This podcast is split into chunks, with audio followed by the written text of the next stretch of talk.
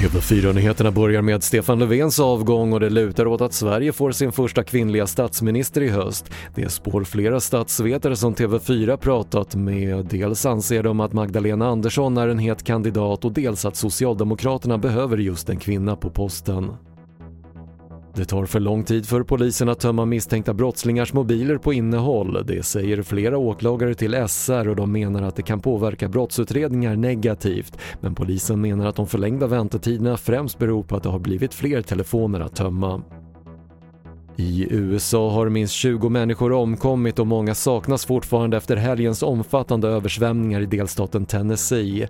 Hundratals hem och byggnader har förstörts efter skyfall med upp till 430 mm regn under ett dygn.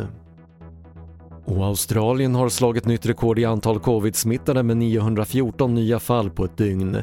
Samtidigt bekräftar landets regering att restriktioner kommer finnas kvar tills 70% av befolkningen är fullvaccinerad men i dagsläget har bara runt 30% fått två sprutor. Det var det senaste från TV4 Nyheterna. Jag heter Patrik Lindström.